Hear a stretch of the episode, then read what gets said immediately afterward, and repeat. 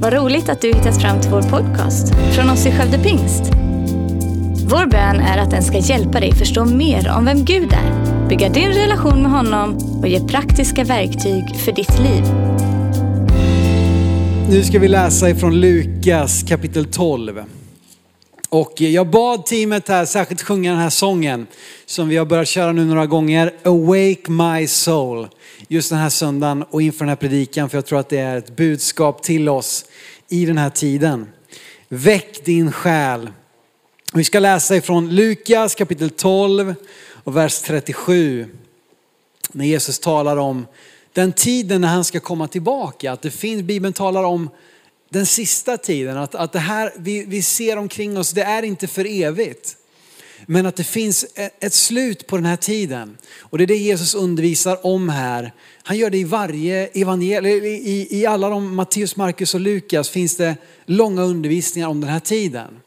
Um, och utan att dra för stora växlar på det så tror jag att vi faktiskt lever i den här tiden just nu.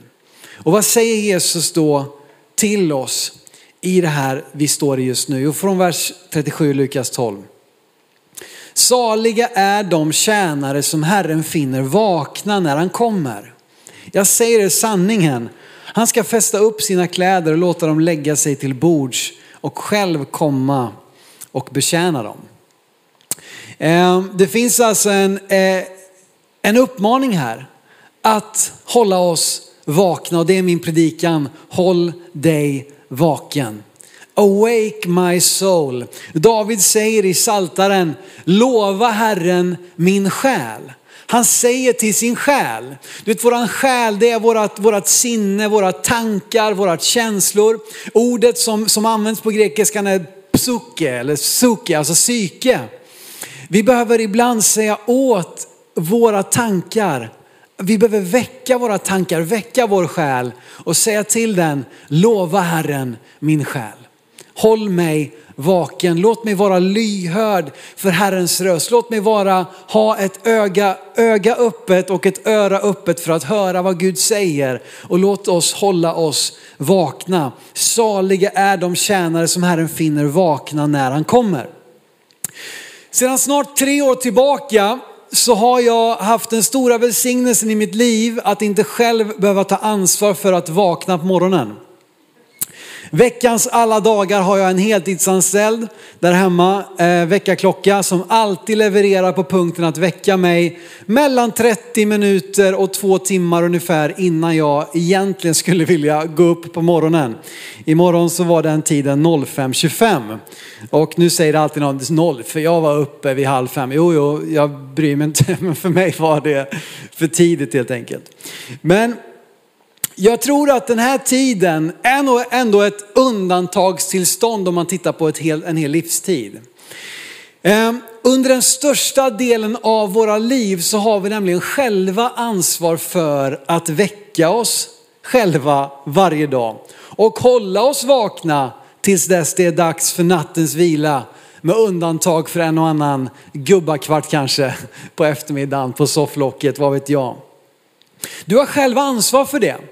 Det här talar extra mycket nu till alla tonåringar och alla föräldrar som har tonårsbarn sa amen. Du behöver vakna, du behöver ta dig upp på morgonen, du behöver komma igång. Vi har själva ansvar för att ställa klockan eller se till att vi vaknar, att vi kommer i tid till allt det som är på, på dagens agenda och uppgift. Även, det gäller även den här dagen som är idag. Det gäller veckorna och månaderna som ligger framför. Det har gällt hela det här året som ligger bakom.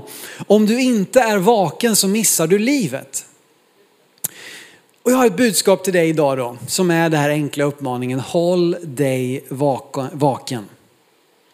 Pandemin, liksom, det blir ju så, det påverkar allting och samtidigt är vi så trötta på att höra ordet så att vi liksom nästan stänger av. Men det är ju så, den här tiden ger oss alla ursäkter vi någonsin kan behöva för att skjuta upp saker.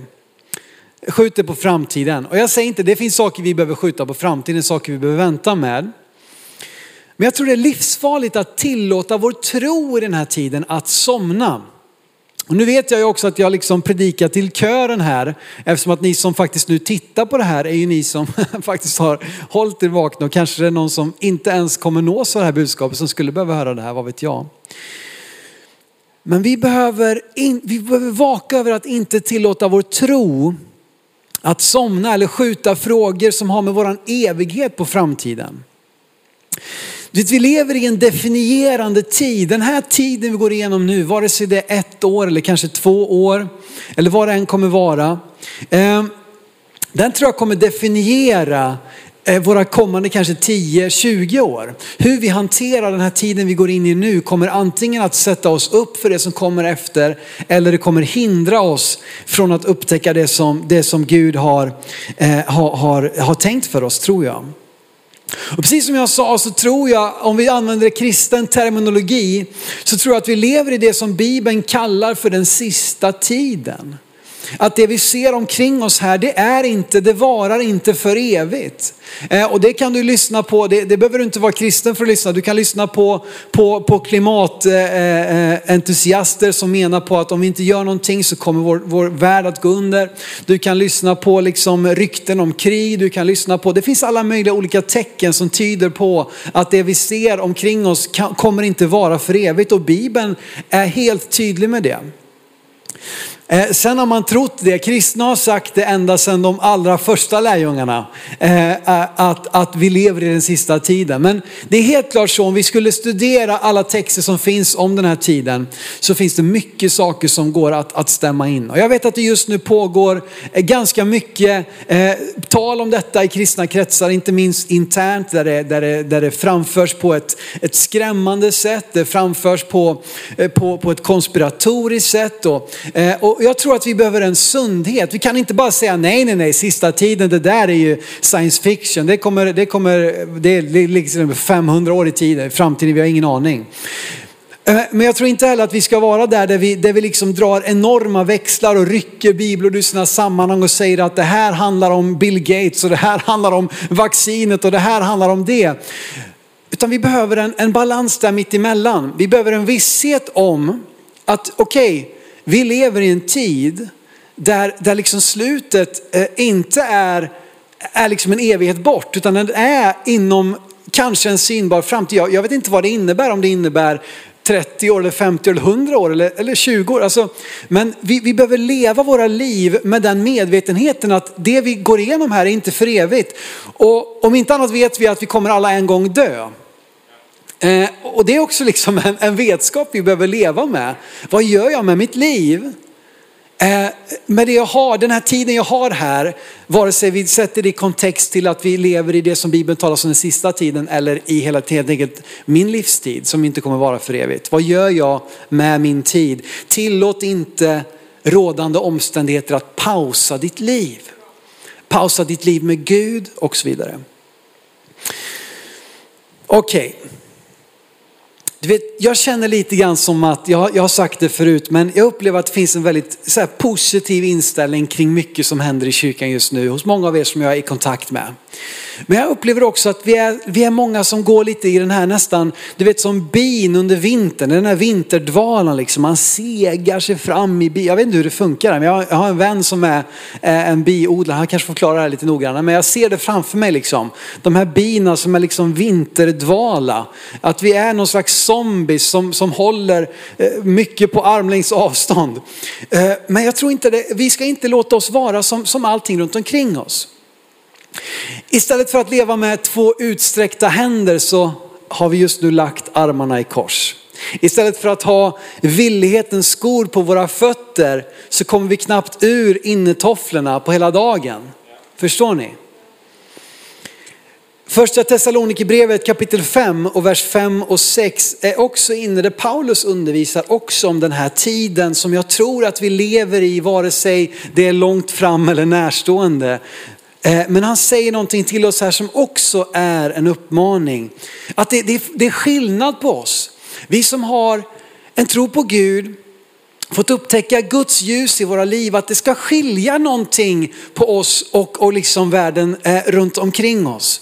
Det står så här första Thessalonikerbrevet 5, 5 6. Ni är alla ljusets barn och dagens barn. Vi tillhör inte natten eller mörkret. Låt oss därför inte sova som de andra, utan hålla oss vakna och nyktra. Och du som tittar på det här som inte alls har en koppling med en kyrka, eh, jag vill säga till dig att, att, att jag tror att du behöver inte gå igenom den här tiden genom ett mörker, ett töcken med liksom det här mm, eh, bara filten uppdragen över huvudet, utan också till dig. Du kan också få bli ett ljusets barn genom att låta Guds ljus lysa in i ditt liv. När jag förberedde den här predikan så blev jag påminn om en händelse för ett par år sedan. Det var fredag kväll. Elton sov i vagnen och jag och Carro vi skulle ta en liten promenad ner till Coop Extra. Innan vi gick så sa Carro, så har du nycklarna med dig? Jag kände på fickan så här. Jag kände, ja men nycklarna är med och så gick vi ner. Det var trevligt, det var på den tiden man hade liksom lite, fick lite lugn och ro när barnet, barnet sov där i vagnen och gick ner och handlade, kom tillbaka. Det skulle gå in och jag vet inte vad, fixa lite kvällsmat eller någonting. Och så stoppade jag ner handen i fickan. Så inser jag, jag har med mig två par bilnycklar men ingen husnyckel. Och vi har ett sånt här underbart eh, hus med dörrar som man bara smäller igen så är det låst. Alright, tänkte jag. Jag inser att, att eh, Karos nycklar är också där inne. Mina nycklar är uppenbarligen där inne. Och svärföräldrarna som har extra nycklar, de har åkt till Karos syster i Stockholm över helgen för att hälsa på. Paniken växer. Samtidigt så börjar lösningsmotorerna gå på högvarv och ni som känner mig vet att då, då sätter det fart. Eh, Elton vaknar, vi går in till grannen för att låna verktyg utan framgång. Eh, fönstren är bytta bara för ett år sedan, jag är inte villig att slå sönder ett av de här dyra fönstren. Jag vet inte ens om jag kommer klara det med alla de här säkerhetsglasen och allt vad det nu var vi har satt in. Eh, så det är inget alternativ. Eh, men bilen har jag ju. Så jag tänker så här, jag åker och lämnar Karro och Elton hos våra goda vänner Klasse och Heidi och deras familj. Och så bränner jag upp till Stockholm, hämtar nyckeln så jag kan komma in hos svärföräldrarna och sen komma in i vårt hus. Liksom upp och ner Stockholm, fram och tillbaka. Vad kan hända? Klockan var väl typ sju, åtta någonting på, på fredagskvällen. Men när jag åker där en av Skövdes många rondeller så ringer min svägerska upp från Stockholm. Hon har fått den briljanta idén som hämtar du snabba cash. Hon säger så här, hallå Simon det går ju tåg hela tiden till Skövde, snabbtåg. Vet du vad, jag kan ju skynda oss ner här till kvällens liksom sista snabbtåg, droppa en väska på bagagehyllan och du kan stå på perrongen i Skövde, springa in i rätt ingång och ta väskan och så kommer du in. Och jag kände bra idé så att jag vände i rondellen och åkte ut till Skultorp där och fick en härlig liksom fredagstacos innan det var dags att åka ner till Skövde. Pulsen stiger, jag går ut på perrongen, klockan är väl typ halv tio på kvällen. Tåget rullar in. Jag har kollat in liksom det här vart, vart jag ska stå och vänta så att jag kommer i rätt ingång. Och sen så, du vet, självklart just min ingång där jag ska gå in, där är det liksom tio pers som ska gå av och det är någon hund som ska gå av och någon kommer med stora resväskor liksom och jag känner att, att svetten börjar liksom pärla sig i pannan här och jag börjar överväga, ska jag springa till nästa? Är det bättre att springa till nästa ingång och liksom runda tillbaka och tränga sig fram? Men just då hittar jag en lucka liksom och jag slinker upp på tåget och snabbt fram, höger, vänster, behåll lugnet här, se inte misstänkt ut, gå fram där och där hittar jag den på bagagehyllan, väskan med den markerade gröna och röda tejpen. Den ska jag ha, jag får inte bara rafsa åt mig den för det kanske kommer någon tycka att det är misstänkt att någon går på och tar en väska och går ut. Så lite cool sådär ändå men med hjärtat bultande tar jag väskan och tar ner den här och tiden har ju gått nu. Och jag vet inte om det bara är i mitt huvud som, som tågkonduktören visslar i visselpipan eller om det sker i det fysiska. Men jag skyndar mig mot utgången, hoppar ner på perrongen jag har klarat det. Mission accomplished. Där har jag väskan. Och av någon märklig känsla så känns det, jag får en skuldkänsla. Det känns som jag har två kilo kokain i, i resväskan och inte svärföräldrarnas extra nycklar. Eh, eh, men det var deras nycklar och ingenting annat. Och jag kunde åka ut, hämta Carro och Elton och vi kunde gå in genom dörren till vårt hus innan klockan var tio på kvällen. Vi kom in. Varför berättar du det här Simon? Jo, för att det är en sjukt bra story, exakt. Så ja, välkommen tillbaka nästa söndag. Så, eh, nej men jag blir påminn om det här för att det här är, jag tror att det här är en bild av vad vi går igenom just nu. Covid-19 det är precis som att ha låst inne nycklarna till vårt eget hem. Det är familjära, alltså vi kommer inte åt vårt eget kylskåp, vår egen säng, vår egen strumplåda. Och det är frustrerande. Vad ska jag göra? Allting som jag känner till, allting som är mitt, det jag är van vid, är liksom inlåst. Så vad ska jag göra? Och jag vill säga till dig att tillåt inte det du inte kan kontrollera att paralysera det du faktiskt kan göra. För vi har låtit för mycket, det faktumet att, att det familjära är inlåst, att vi bara står där ute och väntar på bättre tider. Jag har stor respekt för att vi alla har olika förutsättningar utifrån ålder, hälsa, sociala kontaktnät, boende, arbetssituation med mera. Men om det är någonting som pandemin inte har begränsat så är det din möjlighet att vara nära Gud. Det har inte pandemin någonting med att göra. Faktum är att om det är något gott som har kommit ur allt detta så kanske det är att vi skulle kunna ha mer tid, en större möjlighet att umgås med Gud. Men handen på hjärtat har många av oss inte gjort det. Jag har sagt det förut och säger det igen. Den här tiden vi går igenom har i hög utsträckning förstärkt det som redan var. Det som varit starkt har blivit ännu starkare. Det som har varit svagt har rasat samman. Så har vi inte redan tidigare haft former för vår egen tid med Gud är risken stor att det endast har förstärkts när vi dessutom inte har kunnat fira gudstjänst så som vi är vana. Men jag tror att det är dags att vakna upp från eftermiddagsluren. Du vet det farligaste du kan göra det är att gå och lägga dig där när du är supertrött sådär vid fyra på eftermiddagen och bara gå och lägga dig och sova. Det kommer gå tre timmar kanske och så vaknar du klockan sju och du kommer inte kunna sova på hela natten för att du sov för länge.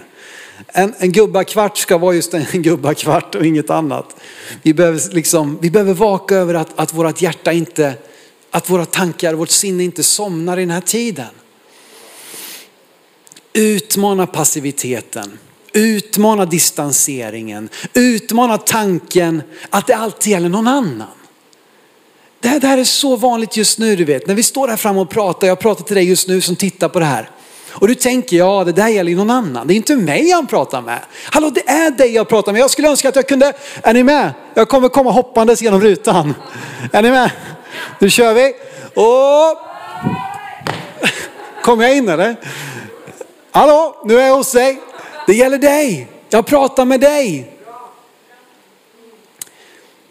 Och när jag funderade på det här, men du, vet, du vet ju, jag, du, du, liksom ni som känner mig, ni tycker Simon, ska du, måste du alltid vara så frustrerad och så pushande och hit och dit och bort och fram och det har mycket att säga om det. Men jag tänkte på tre saker som jag tror att vi alla kan göra för att få en varmare och mer gudstillvänd gemenskap. En gudstillvänd gemenskap. En varm gudstillvänd gemenskap. Tre stycken bokstavskombinationer som vi alla kan få skriva upp oss på. Det första är någonting jag hörde utav eh, eh, Rick Warren. Ni känner kanske till honom, en fantastisk pastor eh, som, som har sånt inflytande. Han har, ja, vi ska inte prata om honom, men han sa att jag lyssnade på ett samtal med honom och han sa att genom hela den här pandemin så har han sagt någonting till tusentals pastorer han har haft samtal med och mött på olika sätt online och zoom och hit och dit. Och det var en princip som på svenska kan översättas med hofhus. hofhus. Och det här är någonting du ska lägga på märket, hofhus. Säg det för, ska du säga det högt just nu? Ja, nu pratar jag med dig då. Säg det där du sitter just nu. Hofhus. Hur kändes det? Hofhus, har vi skaffat hund här hemma eller vad är det som händer? Men vad det står för är hans ord först Hans ord sist. Och du kan tycka, men det är självklart, vi är ju kristna, alla gör det här hela tiden. Nej. Hans ord först på morgonen, hans ord sist på kvällen. Åh, det, nu blir det så här press igen och nu ska man, aha, när ska jag gå upp då? Halv sex var tydligen inte tillräckligt tidigt, ska jag gå upp ännu tidigare och hur länge ska jag be? Nej, stanna, stanna med mig lite grann. Vad han säger till, eh, vad han uppmuntrar då i, i den här principen är att ta en bibel som du tycker om. En fysisk bibel nu, kom igen. Jag, jag har också övergått mycket till den digitala bibeln men det här funkar bäst med en fysisk bibel. Ta en bibel du tycker om. Lägg den bredvid dig, eh, bredvid din säng på nattduksbordet eller på någonting och lägg den öppen. Öppen bibel på ditt säng, sängbord så här. Och så bara bestämmer du dig för att det sista du gör på kvällen innan du somnar Ge inte din sista uppmärksamhet åt Instagram. Ge inte din sista uppmärksamhet åt Netflix. Ge inte din sista uppmärksamhet till hur många inlagda IVA-patienter det är just nu på SLA och om det har gått, eller på, på SKAS om det har gått upp eller ner i förhållande till de sista tre timmarna. Och de tre timmarna innan det gick det upp eller gick det ner och hur var det igår? Om man jämför med förra veckan, om man tittar på R-numret och, och allting liksom bam. Nej, lägg allt det där åt sidan och ge det sista du har på din dag till Gud. Och så läser du kan ju läsa, liksom bara fortsätta, så läser du tills något talar till dig. Tills något talar, det kanske bara är två ord. Det var någon som talar. Sedan gick var och en hem till sitt och Jesus gick till Olivberget. Tidigt på morgonen var han tillbaka på tempelplatsen. Där kände jag att något talade till mig. Tidigt på morgonen var han tillbaka på tempelplatsen. Wow! Jesus kom tillbaka på tempelplatsen tidigt på morgonen. Och så bara tuggar du på det där lite grann. Kanske har en undersökningspenna, en bläckpenna, en blyertspenna och bara stryk under det där. Fundera lite på det. Tidigt på morgonen var han tillbaka på tempelplatsen. Ja, oh, Gud, imorgon är jag tillbaka. Vi ses imorgon. Helt oplanerat, helt ärligt. Jag hade inte tänkt att läsa just det just nu. Och så gör, lämna Bibeln uppslagen igen. Och så gör du samma sak när du vaknar på morgonen. Du måste inte läsa tre kapitel, sju kapitel, du måste inte vara så genomtänkt. Håll gärna på med alla möjliga bibelläsningsplaner och, och modeller och sätt att ha din tid med Gud. Men tänk om vi skulle addera det här.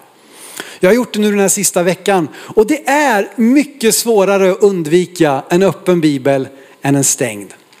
Och det är ännu mycket svårare att undvika en, en, en öppen bibel än en mobil där det poppar upp en notis och du såg ett mail och det var någon, någon som har skrivit något på Messenger. Och liksom direkt, du är redan borta. Eller medan du läser Bibeln så, oj notis, jaha, ett sms. Oj notis, imorgon ska jag gå till tandläkaren. Ja just det. Och jag är sån här också, jag säger inte det. Hofos, hans ord först, hans ord sist. En annan sak som jag har tänkt på det är det här liksom att vi lever i en tid där liksom någon borde höra av sig. Varför är det ingen som hör av sig till mig? Varför är det ingen som frågar efter mig? Varför är det ingen som skickar sms till mig? Varför är det ingen som har besökt henne? Varför är det ingen som har frågat efter dem? Varför är det ingen som har besökt dem på sjukhuset? Varför är det ingen som har ringt hem till dem, skickat ett kort, skickat sms? Någon borde göra det. Kyrkan bryr sig inte. Pastorerna är inte där. Hallå! Och jag vänder till mig själv, du vet man är van att möta människor här, liksom man står och snackar och tjabbar tjena på, på kyrktorget hit och dit. Och sen har vi tillåtit det vi inte nu kan göra, att inte heller bry oss om varandra på andra sätt. Så en annan sak jag har bestämt mig för det är H-A-D-T-N-V-D. Hadtenvd. Den är lite svårare, Hadtenvd.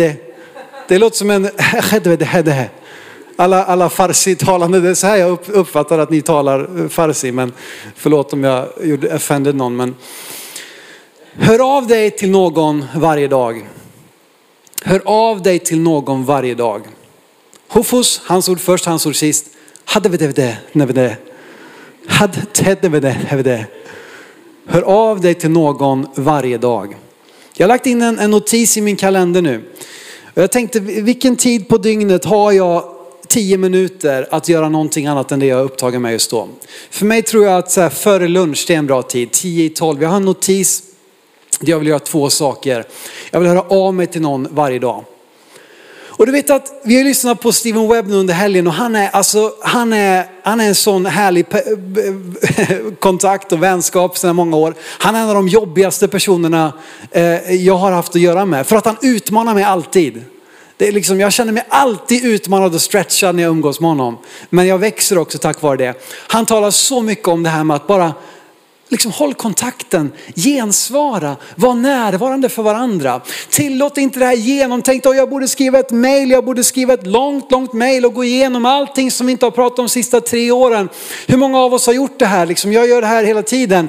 Ja, jag borde verkligen ringa, men jag har inte 30 minuter att prata, jag har bara tre minuter. Nej, men jag ringer inte, jag kanske ska ringa nästa vecka. Och jag borde skicka ett sms, men var ska jag börja någonstans? Och, och tänk om jag, jag liksom gjorde någonting fel. Och, men bara hör av dig. Han säger så här, random presence is better than thoughtful absence.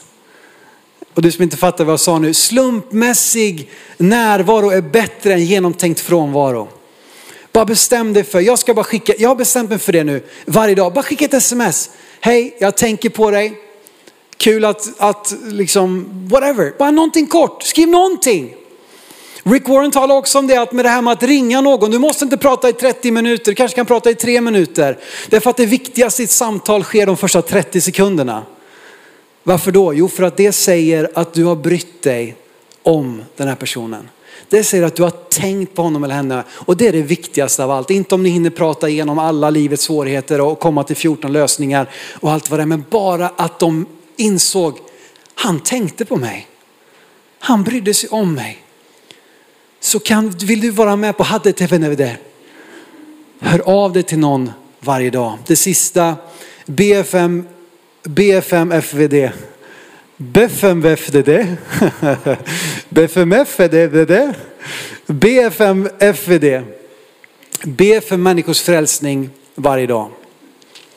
Om det är något jag känner en nöd för just nu, mer än någonting annat, så är det att vi inte ser lika många människor ta beslut att följa Jesus, att bli döpta som vi har gjort de sista åren. Jag är övertygad, jag vet att vi har fått kontakt med många, många fler människor kanske än vad vi har gjort tidigare. Men vad är det som gör att man av någon anledning liksom tvekar att ta det där steget? Det är någonting, det finns, det finns liksom en svårighet att komma från den sidan av skärmen och liksom få en fysisk kontakt. Men jag har också tänkt att det handlar inte bara Simon om att vi ska ha så enkla mailformulär som möjligt på hemsidan och att allting ska vara liksom perfekt genomtänkt och att chatten ska liksom, det ska bara hamra i chatten på YouTube och Facebook och överallt. Det här handlar också, vi ska göra allt vi kan för att göra det enkelt. Jag blir så glad att få höra Max eh, story som blev döpt för ett år sedan. Att han sa, det var enkelt att ta kontakt och jag fick svar snabbt. Bara de två sakerna som han berättade igår på Elevate, som var hans väg in i kyrkan. Det var enkelt att ta kontakt och jag fick svar snabbt. Det är vårt ansvar. Men det är också en andlig fråga. Och här behöver vi få en större nöd för människors frälsning. Och jag vill uppmuntra dig, vill du vara med och be med mig? Några minuter varje dag. Kanske samtidigt som du skickar iväg ett sms eller be en liten stund mitt på dagen. Det kanske är bäst för dig på morgonen, kanske bäst för dig på kvällen. Jag vet inte, men bestäm dig för en tid när du varje dag vill bara skicka ett, ett kort sms till någon, ringa ett kort telefonsamtal till någon och be ett par minuter att människor ska få bli frälsta. Att människor ska få bli döpta. Jag vill be om 21 döpta personer under 2021. Det ser inte bra ut just nu om man tittar på trenden sista året. Men jag vill be om det för att det är det vad allting handlar om. Att vi existerar för att hjälpa människor fram till ett förvandlat liv i mötet med Jesus. Vem ska göra allt det här? Vem handlar det här om? Vem är det som ska bli döpt? Vem är det som ska be? Vem är det som ska fråga? Vem är det som ska smsa? Vem är det som ska hofhussa från och med nu? Ja, det är du. Du är någon. Du är någon. Jag ska säga det igen. Du är någon. Det är dig jag talar med. Det är dig som Gud söker. Det är du som kan vara med och be och fråga efter och smsa och ringa. Det handlar inte om att du inte får missa en dag. Jag har missat redan några gånger den här veckan men jag har inte tänkt att låta det slå ner mig. Jag vill börja prioritera hans ord först, hans ord sist. Höra av mig till någon varje dag och be för människors frälsning varje dag. Johannes 11, vers 28. Jesus kommer till Marta, Maria och Lazarus för att väcka upp Lazarus från de döda. Det är en otrolig story, men jag vill bara säga någonting som dyker upp här mitt i Johannes 11, vers 28 till 29. När hon hade sagt detta gick hon och kallade på sin syster Maria och viskade, Mästaren är här och kallar på dig. Så snart hon hörde det reste hon sig och gick ut till honom. Jag vill säga det till dig just nu. Mästaren är här och kallar på dig. Vad vi gör med det tilltalet, det är vad Maria gjorde. Så snart Maria hörde det reste hon sig och gick honom till mötes. Mästaren är här och kallar på dig. Res dig och gå honom till mötes i Jesu namn. Tack för att du lyssnat. Gärna podden med dina vänner och glöm inte att prenumerera så du inte missar nästa predikan. Om du har några frågor eller vill att vi ska be eller tacka för något tillsammans med dig så får du gärna höra av dig till kyrkan skövdepingst.se. För oss är veckans höjdpunkt söndagens gudstjänst och det vore så kul att träffa dig där. Våra team finns då redo att ta emot dig och det finns även egna samlingar för barnen. Du hittar mer information om oss, vilka vi är och våra olika mötesplatser på skövdepingst.se. Gud välsigne dig och ha en fortsatt bra vecka.